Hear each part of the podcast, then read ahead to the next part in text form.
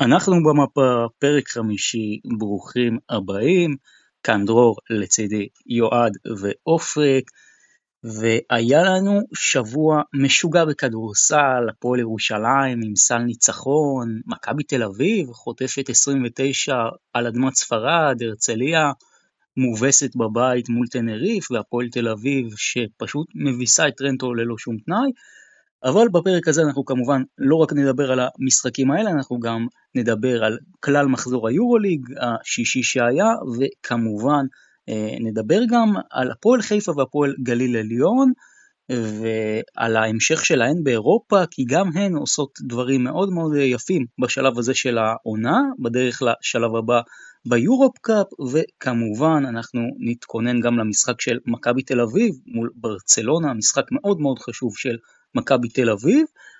אז זה מה שיהיה לנו בפרק הנוכחי. יועד, אופק, טוב לחזור, מה שלומכם? אה, בסדר, בסדר, אה, עבר עלינו סוף שבוע לא פשוט, אה, אחרי הטרחה ביום חמישי, אבל אתה יודע, עוברים את זה ומסתכלים הלאה. כן, זה מדהים איך הפסד או ניצחון כשאתה אוהד קבוצה פשוט צובע את כל הסופש בצבע, בוורוד או בשחור. לא משנה מה קרה לך בסופש הזה, הכל נצבע באותו הצבע בהתאם לתוצאות של יום חמישי. מה נעשה? נמשיך הלאה, נרים את הראש ונמשיך הלאה. כן. כן, אין ברירה אלא להמשיך הלאה גם מבחינתה של מכבי תל אביב, אז בואו נתחיל את התוכנית באמת עם מכבי תל אביב. אני חייב לומר, אני אמרתי לכם בפרק הקודם הולך להיות 30, פשוט לא אמרתי למי. כן. אז כן, צריך אה, להגיד שמכבי באה די זכוכה ודי גם בטוחה בעצמה, אה, ולא חשבה שהיא תבוא, אה, ואתה יודע, כמו בכל המשחקים הקודמים, תיתן ליריבה שלה לפתוח חזק, להיקלע לפיגור מוקדם. מה שעבד במשחקים האחרונים בבית מול הקהל לא יעבוד במשחק חוץ כזה נגד קבוצה כזאת. ומכבי קיבלה פה חתיכת שיעור. אה, וכן, אין ספק שמכבי תצטרך אה, ללמוד איך להימנע מלהיקלע לפיגורים כאלה. אה, ואני חושב שמכבי פשוט באה בגישה של לא משנה מה ואיך נשחק, אנחנו איכשהו נצליח לחזור, יהיה שוב את הרפיון הזה של היריב, שיהיה אפשר למחוק את הפער, אבל במקרה הזה זה פשוט לא קרה. ובסקוניה באה מהדקה הראשונה וחיסלה את מכבי בכל הדרכים ש, שקיימים, אם זה בריבאונד, אה, בהכל, פשוט בהכל. אה, וצריך להגיד שמכבי תצטרך אה, למצוא באמת את הדרך להימנע מהדברים האלה ולהגיע הרבה יותר נחושים למשחקים מהסוג הזה. תראו, אני חייב לומר לכם כמה דברים על המשחק הזה. קודם כל, תוכנית קודמת, אופק הזכיר את מרקוס האווארד, ואני חייב לומר, מרקוס האווארד במילה אחת, אהבתי. כי זה קלעי בנשמה, מה שנקרא, זה באמת שחקן שאני מודה, לפני כן לא עקבתי אחריו יותר מדי, אני עוקב אחריו רק החל מעונת היורוליג הזאת, ובאמת הוא נתן הצגה מול מכבי, אני בכלל אהבתי את הקטע הזה שהוא כלה איזה שלשת מומנטום, והתקפה אחרי זה כבר לא התבייש לזרוק מהחצי, אני אוהב אה, דברים כאלה אצל שחקנים, אז זה קודם כל בצד של בסקוני, אבל מבחינת מכבי תל אביב, אני חייב לומר שלא בהכרח ראינו אה, ביום חמישי משהו שונה. מול בסקוניה, כלומר השיטה של מכבי תל אביב נשארה אותה שיטה, היא פותחת את המשחקים חלש, כמובן שזה לא מתוכנן, אבל כן אולי יש פה משהו ששווה רגע שנדבר עליו, כי שוב, גם מול אה, וילרבן וגם מול אה, מונקו, היו פתיחות מאוד חלשות של מכבי תל אביב וגם מול בסקוניה, פשוט מה שהיה שונה זה שהקבר שמכבי חפרה לעצמה במחצית הראשונה, באמת כבר היה כל כך עמוק, שבמקום לעשות מהפך, זה נהפך ל-30 הפרש.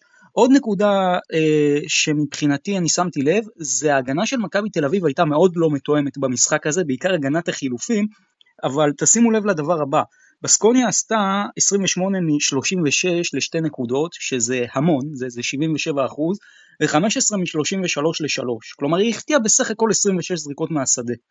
אבל, וזה פשע מבחינת ההגנה של מכבי תל אביב, בסקוניה לקחה 16 כדורים בהתקפה, כדורים חוזרים בהתקפה, זה אומר שסך הכל החטאות מהשדה ככל הנראה שמכבי תל אביב אחריהם יצא לאיזושהי התקפה של בסקוניה, היו עשרה כאלה במשחק שלם, זה שוב, זה דבר שמכבי תל אביב לא יכולה להרשות לעצמה, בוודאי לא במשחקים כאלה, והריבאונד הגנה של מכבי תל אביב זה מבחינתי ה basic בכלל במשחק כדורסל, ועוד נקודה אחרונה שלי זה ויילד בולדווין, אני ראיתי הרבה מאוד בלאגן במשחק מול בסקוניה אצלו, אני חושב שבולדווין ביום חמישי מול בסקוניה הציג גרסה שאוהדי מכבי תל אביב פחדו ממנה, אה, כי אנחנו יודעים שיש לו לפעמים את הנטיות האלה לאחוז הרבה בכדור ולכדרר, אני זוכר במשחק מול בסקוניה לפחות פעמיים שהוא תקע את ג'יילן אדמס עם פחות משנייה על השעון, אז פעם זה נגמר בשלושה, פעם לא, אבל וייד בולדווין, בוא נגיד את זה ככה, הראה ביום חמישי את הנקודות הפחות טובות שלו, זה גם נקודה ששמתי לב אליה ויהיה מעניין לראות איך זה יתקדם. אופק, מה אתה אומר? כמעט כל נתון סטטיסטי שתביאו, בין אם זה ממכבי ובין אם זה אה, מבסקוניה, אה, יראה מה היה לנו במשחק הזה, מהתוצאה עד לסטטיסטיקה הזניחה ביותר. אה, אסיסטים, אחוזים מהשדה, כן, מכבי נכנסה לפאניקה באיזשהו שלב. גם דיברו השחקנים גם אחרי, אחרי המשחק, שיכול להיות שבאמת, כמו שיועד אמר, הייתה איזו זכיחות מסוימת, איזה ביטחון עצמי טיפה מופרז אחרי, ה, אחרי הריצה הטובה בהיכל, אה, וקיבלו חתיכת סטירה מצלצלת. אה, ובאיזשהו שלב כשהערת את בסקוניה והם נכנסו לכזה זון, כבר אה, הרכבת עפה קדימה ואתה בכלל אה, לא, מכבי לא הייתה בלופ בכלל, בכמעט שום שלב במשחק. לגבי מרקוס האוורד שבאמת דיברת עליו, כוכב נולד ביורוליג, הוא, הוא אומנם עם עבר NBA אבל הוא יחסית צעיר, בן 23 אם אני לא טועה, ואני חושב שהוא מסוג השחקנים שהולכים להישאר פה לכמה שנים. באמת אה, סטייל שיין לארקין, אה, סקוטי ווילבקין, כל מיני אמרי, כל... מה? מה באמת? באמת? הולך להישאר פה להרבה שנים? כי אני בטוח בוא ש... בוא נראה, בוא נראה. בוא נראה, מאוד מוקדם אחרי שישה מחזורים אה, להצהיר דבר כזה, אבל אני חושב, חושב שהוא כן מהמטריאל הזה של באמת סקוטי ווילבקין ושיין לארקין שהם שחקנים אמריקאים מאוד מוכשרים שלא הצליחו להטביע חותם באמריקה ובאים לאירופה כדי להוביל קבוצה אבל עוד פעם באמת מוקדם לראות אני לא מספיק מכיר את האופי של השחקן מדובר בגאנר ברמות הכי גבוהות שיש למשחק להציע כרגע באירופה, שיין לארקין על סטרואידים. אמ, ראית זה באמת זה זה זה זן אני... שחקנים שאין הרבה כמוהו. אני פשוט חייב להגיד שאני הרבה שנים צופה ביורוליג וראיתי קלעים טובים כמו ג'ייסי קארול, אנדרו גאודלוק, קלעי בכזאת רמה אני באמת חושב שעדיין לא ראיתי, אמיתי אני אומר לך. scorer על חלל אה, שבאמת אה, אני חושב שזה רק ההתחלה איתו אה, ויכול להוביל את בסקוניה בכללי. בסקוניה יכול להיות שמעט זלזלנו בה עם דריוס תומסון ועם מרקוס הווארד וגיידרייטיס. ואניה מרינקוביץ'. כן, יש להם כישרון בערמות. וזה לא היה איזה פלטה כזאת של תחילת עונה ואוי הכל עבד להם, יש בהם משהו. אה, וגם אנחנו קצת זלזלנו בה, כולנו הימרנו על מכבי שתנצח, וכולנו קיבלנו שיעור על מה בסקוניה מסוגלת. אה, לא הייתי הופך את המשחק הזה לחזות הכל. אה, צריך אבל להגיד. אבל צריך להגיד שמכבי די שיחקה לידיים של בסקוניה במשחק הזה, זה לא באמת משקף את הפערים בין הקבוצות, ברור, ההפרש ברור, הזה. ברור, נראה לך שההפרש הוא בין מכבי לבסקוניה הוא 30? ברור שלא. אמרתי לכם, כמעט כל נתון סטטיסטי שתביאו יהיה לרעת מכבי. גם יום מזעזע של מכבי ושל הרבה שחקנים בכירים שלה. לורנזו בראוני הוא מסיים עם שני אסיסטים, תדעו שאנחנו בבעיה. אה, בולדווין נכון. היה רחוק, אין, אין כמעט שחקן שאני יכול לציין לטובה. אה, בטח באמת, בצד ההגנתי. יש, יש באמת כמה פרמטרים שדי מדאיגים אותי שאני ראיתי.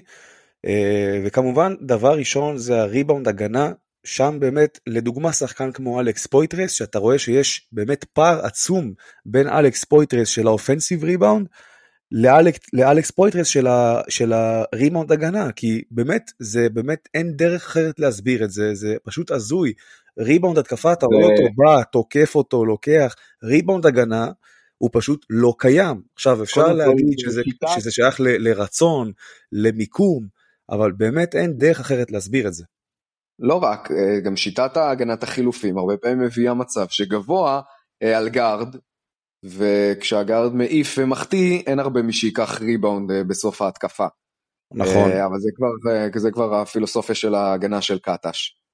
זה גם אני חושב ההגנה של התיאום ההגנתי ברמה הקבוצתית אני חושב שזה פחות בעיה אצלנו אני חושב שהגנת האחד על אחד זה יותר משהו שאנחנו באמת אה, כמעט ולא קיים אצלנו, אולי לפרקים בכמה משחקים בהיכל השנה כן ראינו את זה במחציות השניות, אבל כרגע זה בהחלט בעיה. וכאן זה לא קשור לכלום, זה פשוט עניין של השחקנים נטו, רצון ו- ומחויבות, אה, ושחקן שעוברים אותו באחד על אחד, אה, צריך להסתכל על עצמו ולהבין מה לא בסדר. מה אוקיי, שגם, אני חושב... אין, אין לנו שחקני חושב- הגנה רעים, יש לנו שחקני הגנה באחד על אחד טובים מאוד, וזה באמת השאלה שצריכה להישאל, איך אה, משפרים את העניין הזה. יועד, אבל אני רוצה לשאול אותך שאלה אחרת. מה גרם למכבי תל אביב לדעתך להתפרק מול בסקוניה? כי אוקיי, כל הדברים, אה, אני מסכים איתם, גם מה שאופק אמר, גם מה שאתה אמרת, וזה ללא ספק גם מה שאני אמרתי, אבל עדיין 29 הפרש, זה הפרש מאוד גבוה, מה, איך מכבי תל אביב מתפרקת ככה? אז אני אגיד לך, אני אגיד לך מה אני חושב לגבי זה.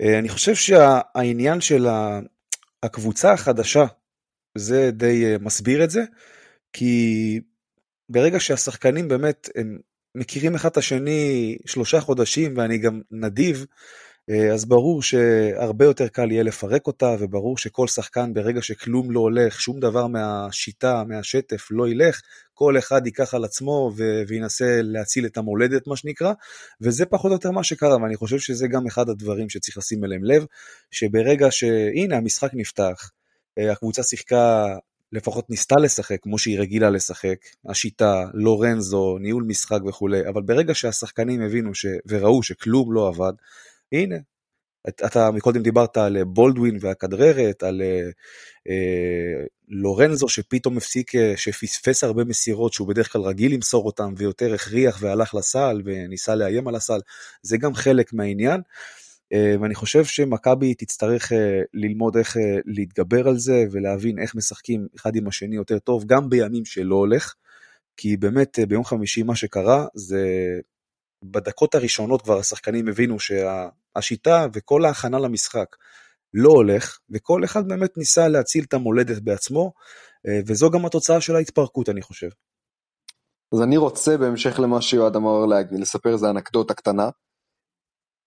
אחד מאנשי הפועל ירושלים אה, סיפר לי סיפור על עודד קטש, ואני חושב שהוא משהו שאוהדי מכבי אה, יכולים, יכולים להבין עם מי יש להם עסק, לטובה ולרעה. בעונה הטובה של קטש בהפועל ירושלים, בעונה 19-20, אה, היה משחק, אני, אם אני לא טועה, נגד ראשון לציון של גודס. אולי, אולי תזכור דרור, לא משנה, זה לא, זה, זה לא, מש, זה לא העיקר. איזה הפסד זה מכריע מול ראשון לציון אתה רוצה לציין פה, כי היו כל כך הרבה כאלה של קטש. אז אני, אני, אני לא אנקוב בתאריך, אחד ההפסדים אה, מול גודס. אה, במחצית אותו איש הפועל ירושלים מספר לי שהוא ניגש לריין פנון, אה, העוזר מאמן של עודד קטש למי שלא יודע, אה, דאז, ואומר לו, ריין, הם, הם עלו עלינו, הם, אה, כלום לא עובד, הם, הם עלו על השיטה שלנו, הם כאילו, ומה ריין פנון אומר לו ב, בשתי מילים? coach philosophy. ומרים את הכתפיים, מושך בכתפיים. וריין פנון הוא איש כדורסל מבריק. ואני חושב שזה יכול לספר הרבה על עודד קטש. עודד קטש הוא איש כדורסל מאוד מוערך בישראל, ויגידו לך את זה מאמנים, ויגידו לך את זה פרשנים. במה שהוא טוב בו, הוא עושה מצוין. מתי הבעיה מתחילה? כשהשיטה שלו לא עובדת. והוא עקשן, והוא מאוד מאוד מאוד אה, מכור אפילו לשיטה ולסגנון שלו, וכשמשהו לא נכנס, שהפאזל לא נכנס לו, הוא מאלה שדופקים חזק על הפאזל עד שייכנס, ולפעמים התוצאות מדברות בעד עצמן. וזה דומה למה שחווינו בבסקוניה, ואולי גם ממה שנחווה בהמשך העונה. בסקוניה היה פאניקה מטורפת על ההתחלה, נרפות הגנתית שזה כבר מעבר לשיטה, לתיאום. זה היה רפיון שאפילו. עבירה לא, לא, לא הצליחו לעשות, זה יכול להיות שיש לזה אפקט מנטלי, זה אולם שקשה לשחק בו, בסקוניה קבוצה מוכשרת, אבל זה באמת אנקדוטה שבעיניי יכולה לספר הרבה על עודד קטש ולעונה שמצפה למכבי. תשמע, אני חייב להגיד שהסיפור שלך על העוזר מאמן ועל קטש זה מאוד מלחיץ אותי, אה, אבל כן, כן, מאמן גדול יודע לאלתר בזמנים קשים, ולפי הסיפור זה שסיפרת מה פה, שיהפוך כרגע את לא עודד נראה- קטש, זה מה שיהפוך את עודד קטש אה, ממאמן טוב למאמן שהוא תופס מעצמו, שזה באמת ברמה הגבוהה של אירופה, להיות גמיש יותר עם השיטה שלו ולפתוח קצת את הראש. אני מסכים אז מכבי. תנסה להעביר את המשחק הזה כמה שיותר מאחוריה, אבל יום חמישי מול ברצלונה, ברצלונה מגיעה עוד אחרי ניצחון אה, על פנר, מה מכבי תל אביב צריכה לעשות שונה, או יותר נכון הכל, אבל איך מכבי תל אביב, נאמר את זה כך, חו- חוזרת ונוחתת אל הקרקע ושומרת על מאזן 100% הצלחה בבית. קודם כל היא צריכה לבוא מהדקה הראשונה ולהתחיל לטרוף את המגרש, אין פה שאלה. אם אנחנו ניתן לברצלונה לפתוח פער כמו בש... בשאר המשחקים הקודמים, אני לא בטוח שאנחנו נוכל לחזור. עניין הריבאונד הגנה יהיה חייב להשתפר במשחק הזה. אה, הגנת אחד על אחד כמובן. אה, אני חושב שאנחנו נצטרך במשחק הזה את לורנזו בראון ואת בולדווין בשיאם בשביל לקחת אותו. אה, גם את הגבוהים, גם את אלכס פויטרס, ג'וש ניבו, אנחנו גם נצטרך. אבל גם צריך להגיד שברצלונה, אני עדיין לא יודע איך להתייחס לקבוצה הזאת, כי גם אין, אין את מירוטיץ' עדיין, שזה באמת ה top scorer שלהם בשנים האחרונות. אה, ואני חושב שהיתרון של ברצלונה על מכבי, היתרון העיקרי, זה בפנים, יש להם אורך מטורף עם, אה, עם אה, סרטאץ' שאנלי, אה, מייק טובי, ואני חושב שבאמת, וגם אם תשימו לב, כל הגבוהים של ברצלונה, אני חושב, אולי חוץ מווסלי, כולם ללא יוצא מן הכלל קולעים מבחוץ באחוזים גבוהים, אה, ולדעתי זה בהחלט אה, אחד הדברים המש, המשמעותיים ביותר במשחק הזה, וגם את זה אנחנו נצטרך לפתור באיזושהי דרך. מתי פעם אחרונה ברצלונה ניצחה את מכבי תל אביב ביורוליג? עונת 16-17. זה בהיכל. לא, בהיכל, לא, ביורוליג. ביורוליג בנובמבר 2019, לפני שלוש שנים בדיוק. כן, לא, אז יש פה גם איזה רצף של מכבי. כן, יש רצף. דרך אגב דו צדדי, כלומר לפני הרצף של מכבי אני חושב שברצלונה ניצחה בהיכל משהו כמו שבע שנים רצוף, משהו אה, לדעתי, יכול כן. להיות שאני טועה, מהניצחון עם הדנק של, אה, של וויל ביינו. כן, כן, אני חושב שאתה צודק. אני יכול, אני, אני יכול אה. לספור לך מהראש, כאילו, ניצחונות של ברצלונה בהיכל בעונת 2008-2009 אני חושב, 2011, כן, היה להם 2012, רצף 13 עצבני, גם. ועכשיו מכבי הפכה את זה. אה, כן, ברצלונה מגיעה, כבר דיברנו על ברצלונה גם, ב, גם בפרק הקודם, ולמרות הניצחון אה, שאפשר לזקוף לזכותה על פנרבכצ'ה, שנכון לכרגע הקבוצה הטובה באירופה, אה, היא עדיין לא ברצלונה המושלמת, המפחידה. חסרת, חס, המפחידה וחסרת הפגמים שהיא יכולה להיות. דיברנו על המחסור שלה בסקורר, ולפרוביטולה אה, נהדר, הוא בכושר מצוין, גם נגד פנרבכצ'ה היה נהדר, אה, אבל כשהוא ה top scorer שלך, אה, זה מעיד משהו על, ה, על האיכות. קצת קצת דלים. זהו, מכבי באמת... אני חייב, אה, אני חייב להוסיף משהו על. לפרוביטולה. אני חייב להוסיף משהו על לפרוביטולה. כן. זה פשוט מדהים השינוי שהשחקן הזה עבר. אני זוכר אותו בריאל מדריד, ובתקופה אפילו קצת לפני ריאל מדריד, העקב אכילס שלו הייתה, היה הקליעה.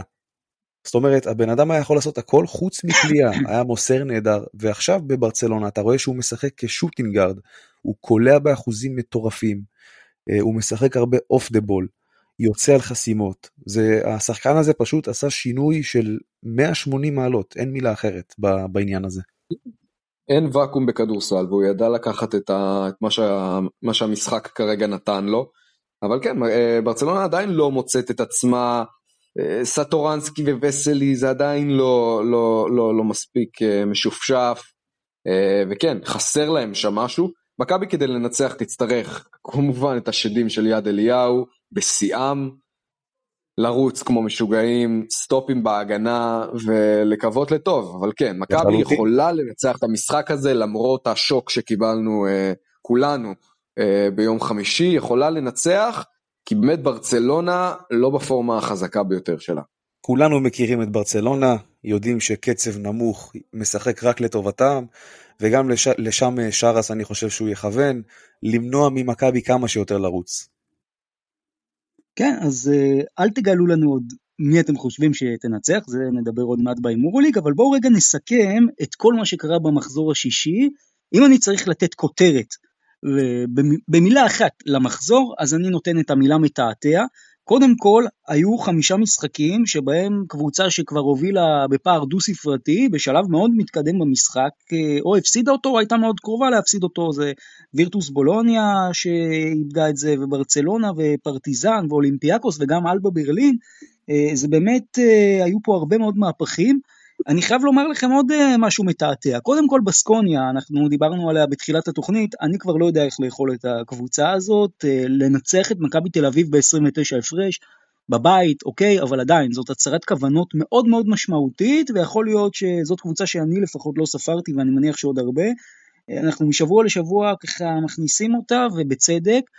גם ולנסיה, אני יחסית לא ציפיתי שננצח ביוון, מה שנקרא, היא הרדימה את היוונים טוב טוב טוב, ומי אם לא, האקס של מכבי, קריס ג'ונס, בסוף במשחק גדול.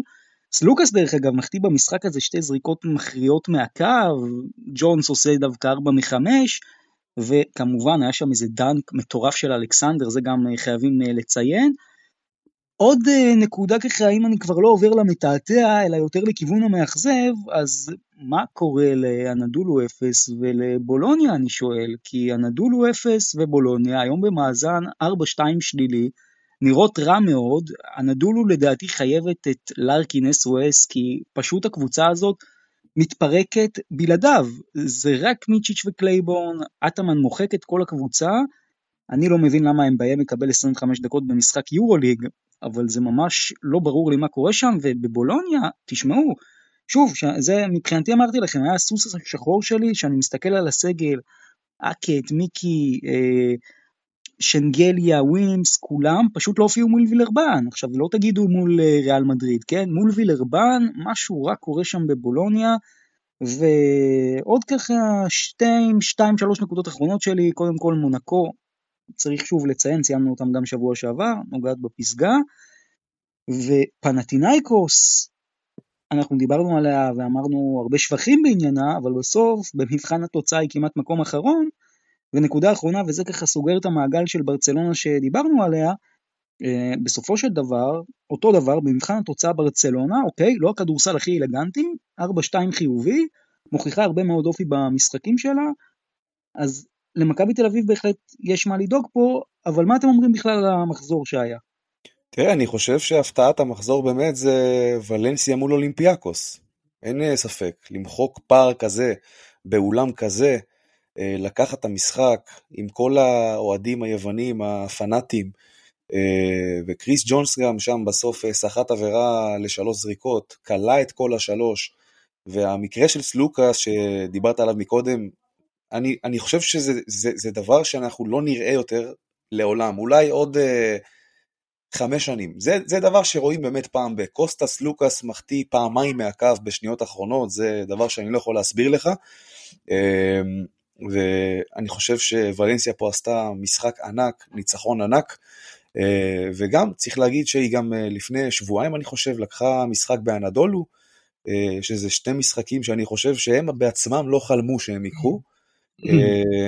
וגם צריך להגיד על אולימפיאקוס, שאני זוכר בהתחלה שכולם התלהבו שהם ניצחו בברצלונה ובמדריד, אז הנה, שתי הפסדי בית למונקו ולוולנסיה, ומי זוכר בכלל את שתי הניצחונות האלה בספרד, אתם מבינים?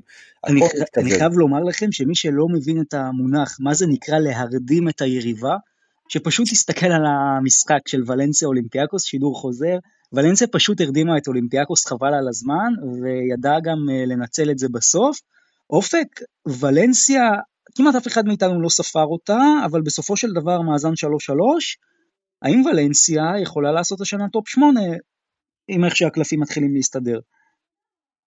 אז כמובן שהיא מפתיעה את כולנו, אבל אני באמת חושב שאנחנו כל מחזור נבין שהליגה הזאת היא, היא משהו שאי אפשר לצפות. אנחנו עוד מעט נדבר על ההימור הליגה המשפיל שקיבלנו, אבל זה לא בגלל שאנחנו אה, אוהדי כדורסל לא טובים או לא מבינים כלום מהחיים שלנו ובגלל זה אנחנו ב, ב, במאזן כל כך גרוע בהימורים שלנו.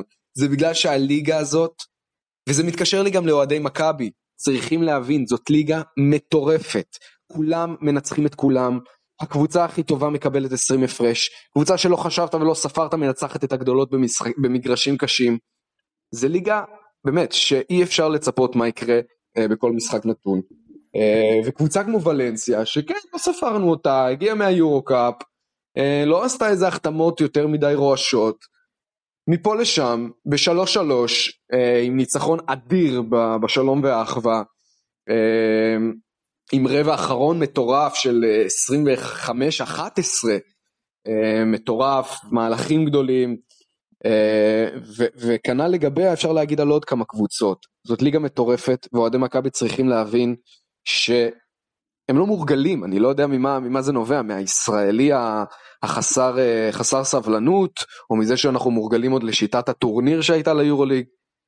הפסד פה, ניצחון שם, הם לא חזות הכל. זה שניצחנו את, אה, את אם ננצח את ברצלונה בהיכל שבוע הבא, אנחנו לא, לא להזמין כבר כרטיסים לפיינל 4, וזה שקיבלנו מבסקוניה טרחה, זה לא אומר שצריך, אה, זהו, לסגור את הבסטה ולמכור מנויים. זאת ליגה מטורפת, וצריך להתחיל להכניס את זה טוב טוב לראש.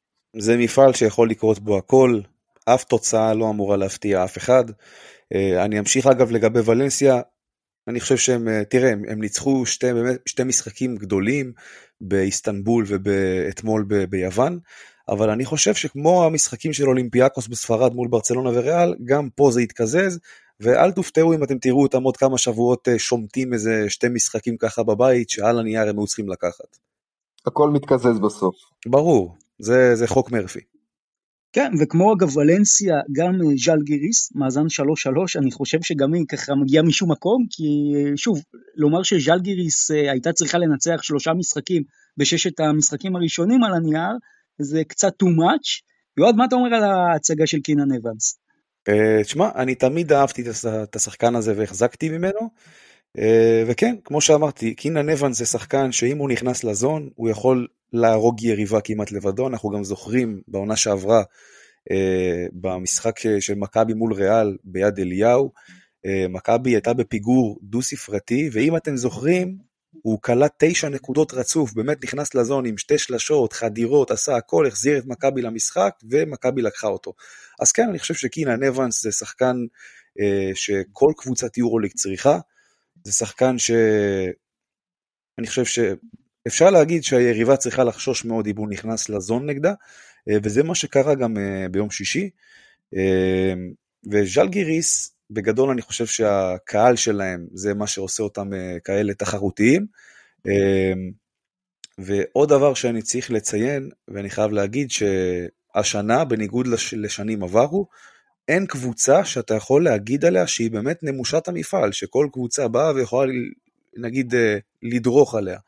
השנה אין כזאת קבוצה, כל הקבוצות ביורוליג ללא יוצא מן הכלל, כולם קבוצות כדורסל מצוינות, אה, ופה בהחלט אני חייב להגיד שזה אדיר והרבה יותר כיף. באמת כל קבוצה, איפה שהיא לא, איפה שהיא לא משחקת, היא צריכה לחשוב שהיא יכולה לצאת משם עם, עם הפסד. זה דבר אדיר מבחינתי. היה משחק אדיר, אדיר נגד אלבה. Um, הקהל של ז'לגירי, זה לא שאנחנו לא מכירים אותו, כן? זה לא חדש לנו, אבל יש משהו בקהל הליטאי שהוא מיוחד.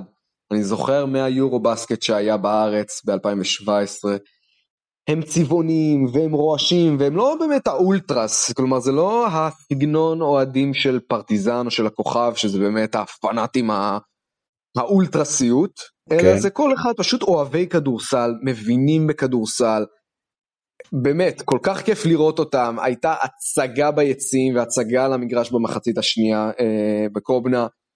אה, עוד פעם, בעיניי זה היה צפוי, ברגע שראיתי שקינן אבנס הוריד את הרסטות, אני. כבר קדיש, קדיש עלל בברלין, אנחנו אוהדי מכבי יודעים מה זה אומר קינן אבנס עם אפרו. כן, אה, אגב, צריך, צריך, כמו שצריך.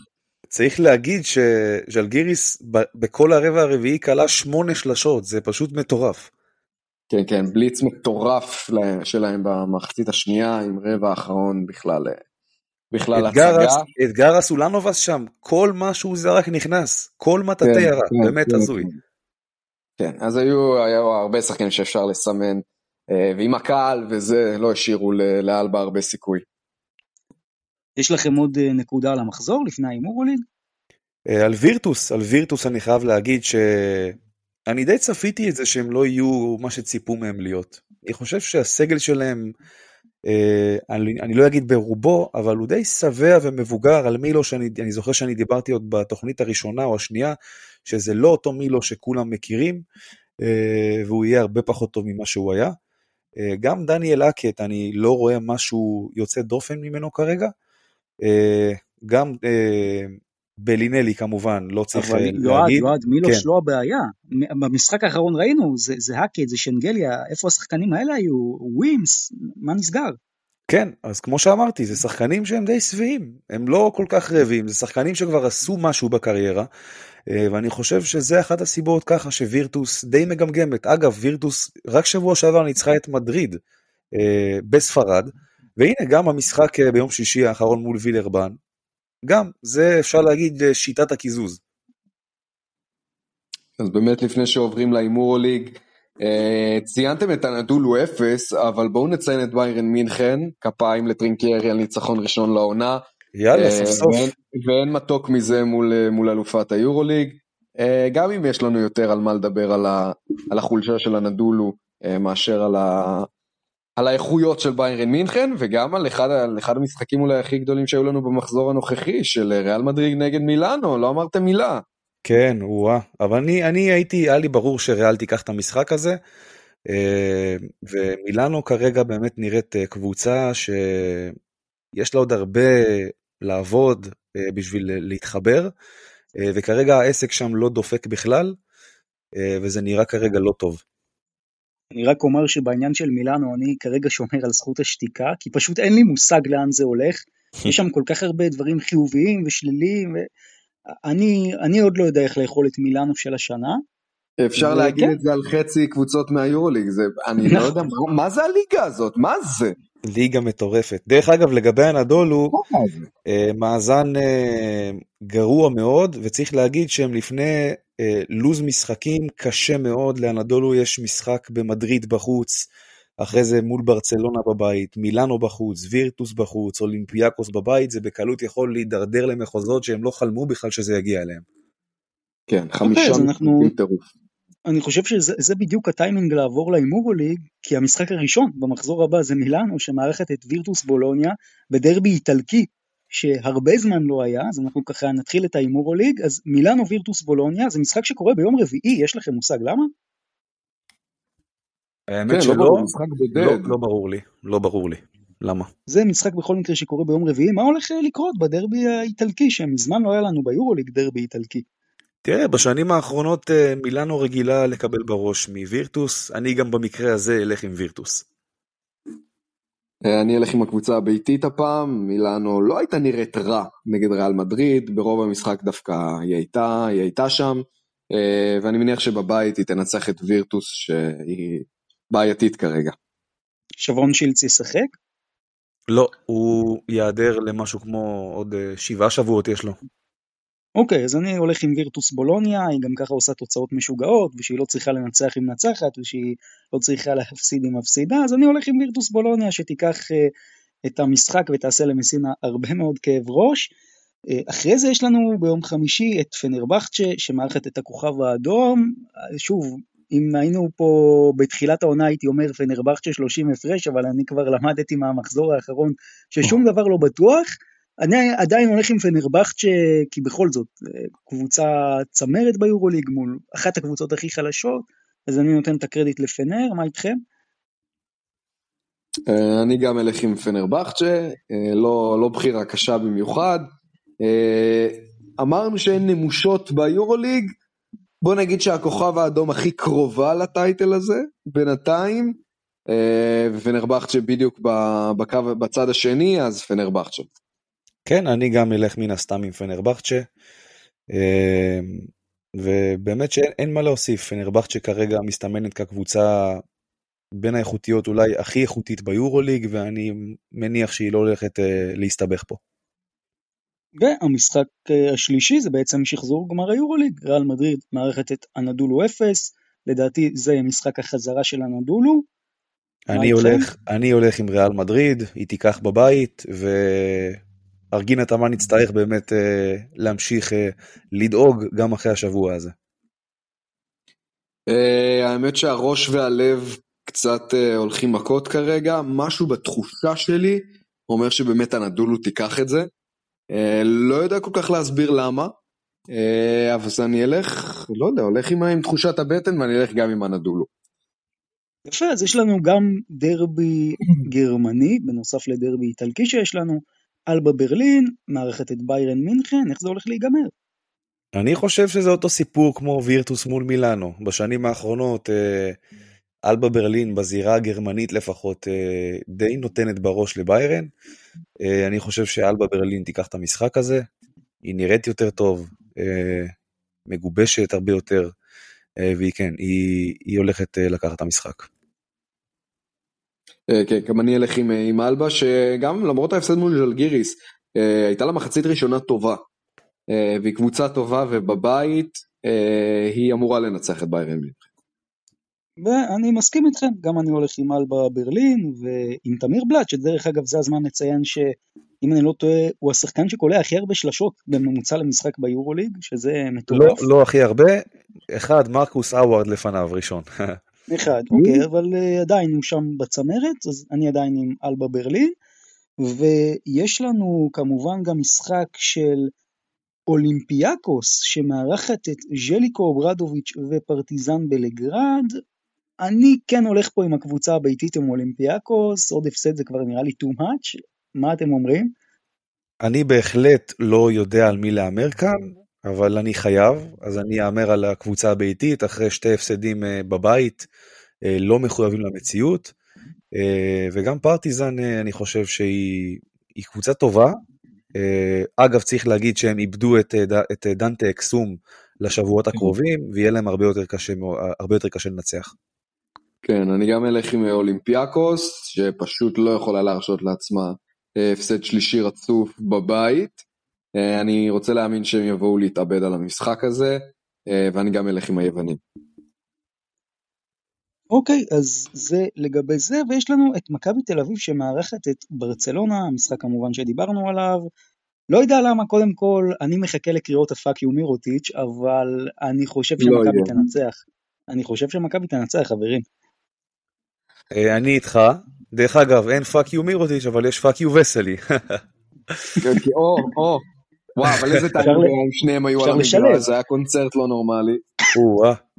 חבל כן, שלא. כן, אני אלך עם מכבי גם, אני חושב שזה ההפסד המסורתי של שרס בשנים האחרונות, ואני חושב שהסטטוס קוו יישמר. וואי, הפתעתם אותי, אני חייב להגיד. אה, בטח אחרי מאורעות יום חמישי. מאורעות. אה, טוב, אני אהיה חייב לאזן ואני אלך עם ברצלונה. למרות שאני נדיר שאני מהמר נגד מכבי. או-אה. טוב, אז יש לנו עוד אה, משחקים נוספים של וילרבן מול ז'לגיריס. זה המשחק שסוגר בעצם את יום חמישי, אני עם וילרבן. אני גם עם וילרבן. אה, אני אלך עם ז'לגיריס. אני אלך עם ז'לגיריס, אה, למרות שזה משחק חוץ, אני ממשיך איתם. בדרך כלל אחרי קאמבק כמו שז'לגיריס נתנה, יש איזושהי ירידת מתח כזה, ואני חושב, גם זה משחק חוץ. אתה מבין? ווילרבן כרגע במומנטום מצוין. יפה, אז זה בעצם המשחקים של יום חמישי, יש לנו עוד שני משחקים בלבד. ביום שישי, אחד, פנטינאיקוס מארחת את בסקוניה.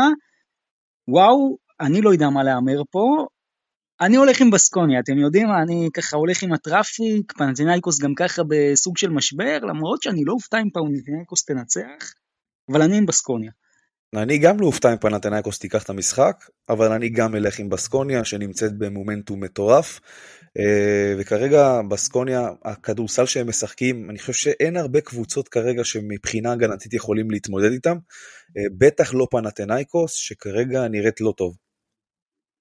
אה, וואו. אני, אני לא יודע, יש יותר מדי מחשבות שלוקחות אותי לכל כיוון. אני אלך עם פנתנאיקוס. אני אפתיע, אני אלך עם הקבוצה הביתית. משהו מרגיש לי שבסקוניה אה, היא לא קבוצה מספיק יציבה, היא, קבוצות ש... היא קבוצה שביום נתון אה, אתה לא יודע איזה בסקוניה תפגוש, אה, ופנתנייקוס חייבת ניצחון כמו, כמו אוויר לנשימה, אז אני אלך איתם. והמשחק שסוגר את המחזור, ולנסיה מארחת את מונקו. שוב, משחק שהכותרת שלו היא שהולך להיות משהו לא צפוי, אני הולך עם מונקו פה, לדעתי תמשיך ותישאר בצמרת. מונקו. אני איתך, אני גם איתך הולך עם מונקו, ולנסיה אחרי שתי ניצחונות אה, שהם לא האמינו שהם ייקחו, אה, וכאן אני חושב שזה ייחתם. אה, מונקו תיקח את המשחק הזה ותעצור את כל ההיי שוולנסיה נמצאת בו. כן, גם אני מונקו, מונקו.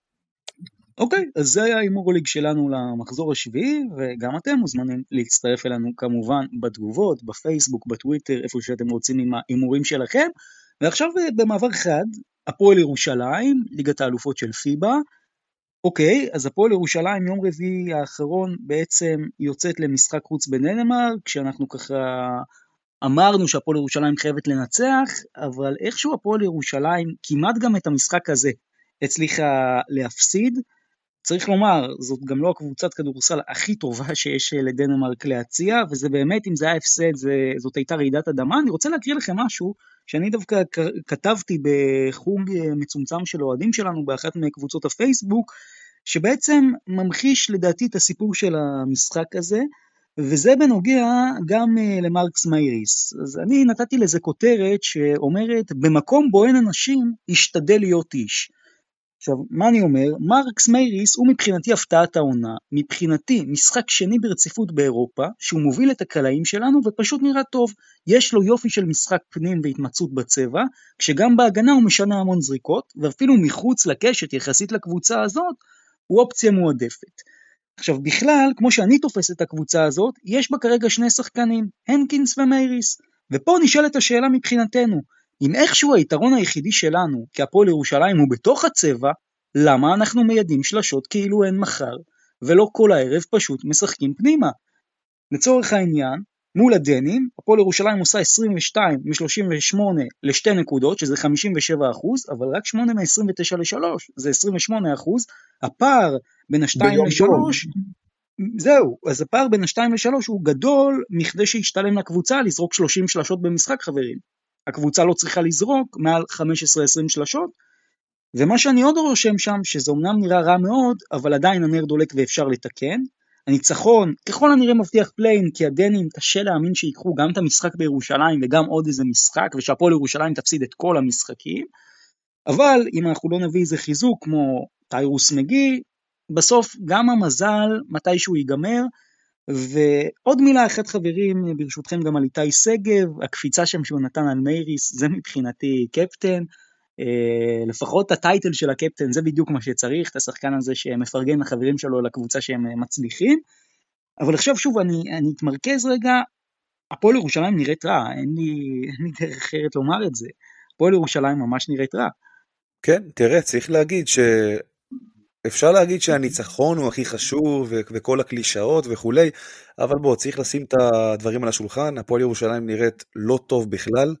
אה, קבוצה, הקבוצה הדנית, אה, אחת החלשות במפעל, אם לא הכי חלשה, אה, ואתה יודע, לך לפוזיישן האחרון, היה להם שלוש עבירות לתת, הם לא נתנו אפילו אחד, ועזוב עכשיו, לא סל שלשה משום מקום, ככה באיזה פוקס או איזה הבלחה, הם מקבלים דנק, שזה כן, זה הקטע הכי הזוי, לקבל דנק בכזאת סיטואציה, זה אין לי משהו אחר להגיד חוץ מביזיון. וכאן אני חושב שהפועל ירושלים ניצלה, ויש לג'יקיץ' המון שיעורי בית, כי זה עדיין לא מרשים בכלל, עם כל הכבוד לניצחון והחגיגות בסוף, אה, זה לא, לא יעבוד לאורך זמן.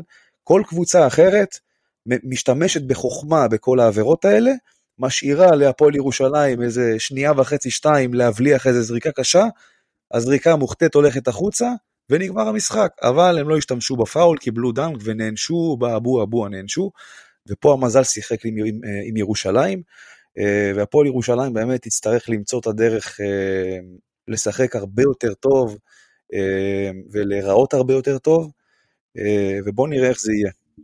בהמשך. אני הולך לספר לכם נתון, אתם לא הולכים להאמין לי, אתם תפלו מהכיסא. הפועל אוקיי. ירושלים עם שלושה ניצחונות רצופים. אני יודע שאתם בהלם, אני יודע שזאת לא, שזה לא תואם את האווירה, אבל זה המצב, שלושה ניצחונות רצופים. מאזן של שתיים אבל אתה יודע מה אופק? אני חייב לומר לך, אני לא נמצא מהכיסא. לא, אני חייב להסביר משהו, אני לא נופל מהכיסא, כי אם אתם מסתכלים על הפועל ירושלים, זה ממחיש את, את פיבה, אולי גם את, את זה שהמפעל נחלש.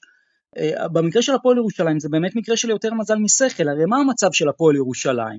גם אם היא לא תסיים במקום הראשון, הסיכוי שלה כרגע הוא לסיים במקום הרביעי הוא אפסי, כי בקנבירס היא באמת קבוצה מהחלשות שאירופה יודעת ב-level הזה, גם אם אני משלב את היורו-קאפ במבחן של הקבוצות החלשות, באמת בקנבירס זאת אחת הקבוצות החלשות שאי פעם התמודדה במפעל בסדר גודל כזה.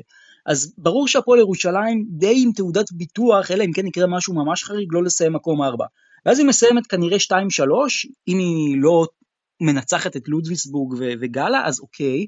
אבל גם לסיים 2-3 במקרה של הפועל ירושלים זה ממש לא רע, כי בבית המקביל, בבית שהפועל ירושלים מצטלבת אליו, אז יש את מנרסה, שהיא שם די מקובעת במקום הראשון, ומביסה לימין ועד שמאל את כל היריבות, ושלושת הקבוצות האחרות זה בנפיקה ליסבון, VEF ריגה, ולימוז' שנראית מזעזע, אז בסוף גם את ה play-in כנראה הפועל ירושלים תעבור, גם אם היא תישאר ברמה הזאת. השאלה האופק, מה קורה בגביע המדינה, מה יקרה בסופו של דבר בליגה, וגם, כן, בליגת האלופות, האם הפועל ירושלים רוצה להגיע למצב של שלב בתים שני שהולכת להתבזות בו 0-6. כן, אז אני ציינתי בציניות כמובן את, את מה שאמרתי, כי זה באמת ממחיש גם את מה ש, שבהכרח, אמנם במבחן התוצאה שלושה ניצחונות רצופים, אבל הדרך אה, היא איומה. היה משחק ברמה מאוד נמוכה. ב... נגד באקן בירס, אה, והרבה באמת, כמו שאמרתם, מזל להפועל ירושלים, כי אם לא פרייריות באמת בלתי נגמרת של הדנים, שבאמת, כמה לא ממושמעים אתם יכולים להיות שיש לכם שלוש עבירות לחטוף כזה, כזה סל. היה נראה אחרת לגמרי, בטח אה, עם, עם הפוזיישן האחרון שהיה לדנים, אה, שמייריס אה, פישל שם בהגנה, הייתם מדברים גם עליו אחרת. הפועל ירושלים קיבלה מתנה מאלת המזל במידה מסוימת, ובוא נראה איך היא ממנפת את זה מפה באירופה. כמו שאמרת, סביר להניח שהיא כן תתקדם באירופה. לגבי הליגה שלנו, יש להם סגל ישראלי בעייתי. עוד לא דיברנו על הזרים בכלל, ש, ש, שהם לא מאירים פנים מדי, אבל גם בסגל הישראלי יש בעיות. עכשיו עם הפציעה של עוז בלייזר, שאני לא יודע בדיוק מתי הוא חוזר. אבל אה, איתי שגב וקורנליוס ודוברת, שאומנם אה, יכול לעשות אה, את העוד קפיצת מדרגה, אבל לא בטוח שזה, שזה מספיק לה, להתמודד עם, ה, עם הרביעייה הגדולה שיש לליגה הישראלית להציע. דיברת על איתי שגב ועל המנהיגות שלו, חייב להגיד לכם בנימה אישית, למרות שהוא כזה בוגר מכבי תל אביב, והיה גם קפטן של מכבי תל אביב, איתי שגב הוא, הוא אנטי כדורסל ברמה ש, שקשה לראות. אני חושב שמדובר באחד השחקנים הכי פחות מוכשרים שהגיעו לקליבר שהם נמצאים בו היום, אה, שזה לפעמים בלתי ניתן לצפייה. אז נכון, יש לו את היתרונות שאין להרבה שחקנים ישראלים, שזה האתלטיות וה, ומוטת הידיים וה, וה, והגובה ויכולת הריבאונד אה, ולפעמים גם ההגנה, אבל בכל מה שקשור בלשים את הכדור בסל, זה, זה קשה לצפייה, זה מעבר לנגר, זה, זה וואו.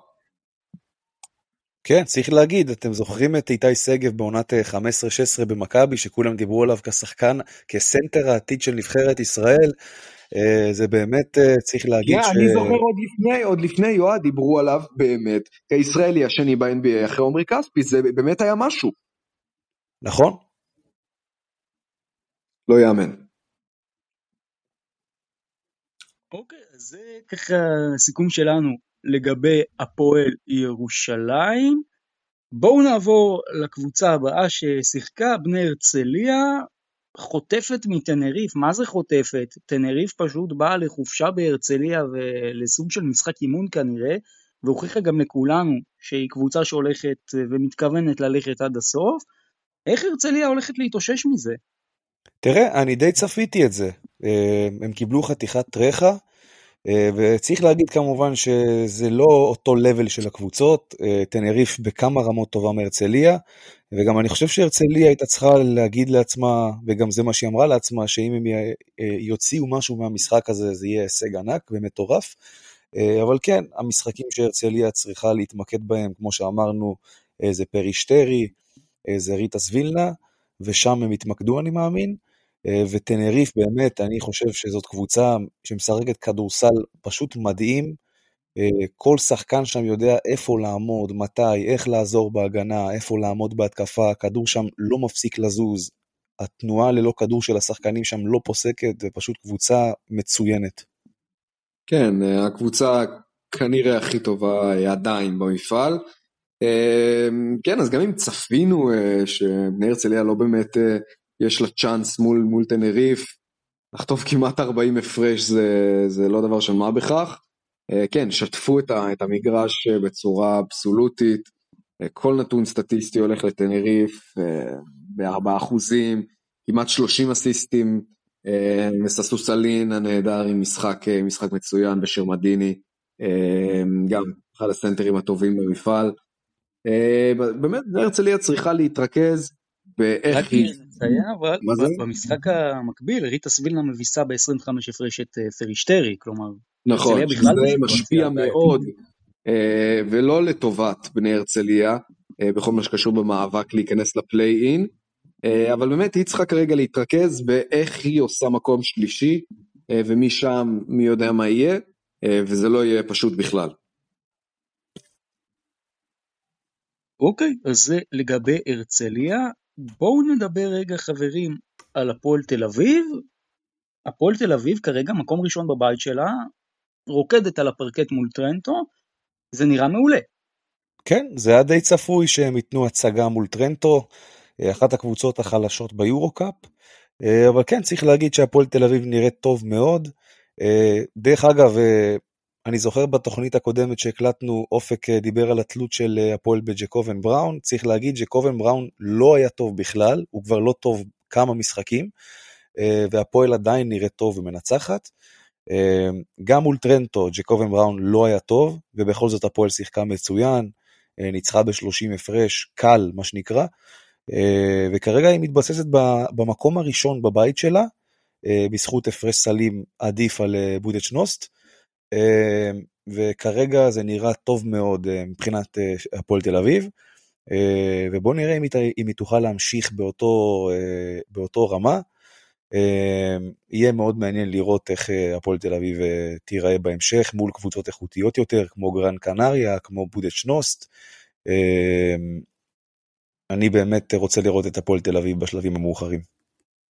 כן, אז לא יודע, אני חושב שהכמות כישרון שיש להפועל תל אביב אל מול טרנטו מספיק גבוהה כדי לנצח גם ב-30 הפרש קבוצה, גם בלי, בלי ג'ייקובן בראון, אז זה לא בהכרח בעיניי היה מבחן מייצג לתלות או האי תלות של, של הפועל תל אביב בג'ייקובן בראון, אבל כן, היא כרגע מבססת עצמה כאחת הקבוצות החזקות בבית.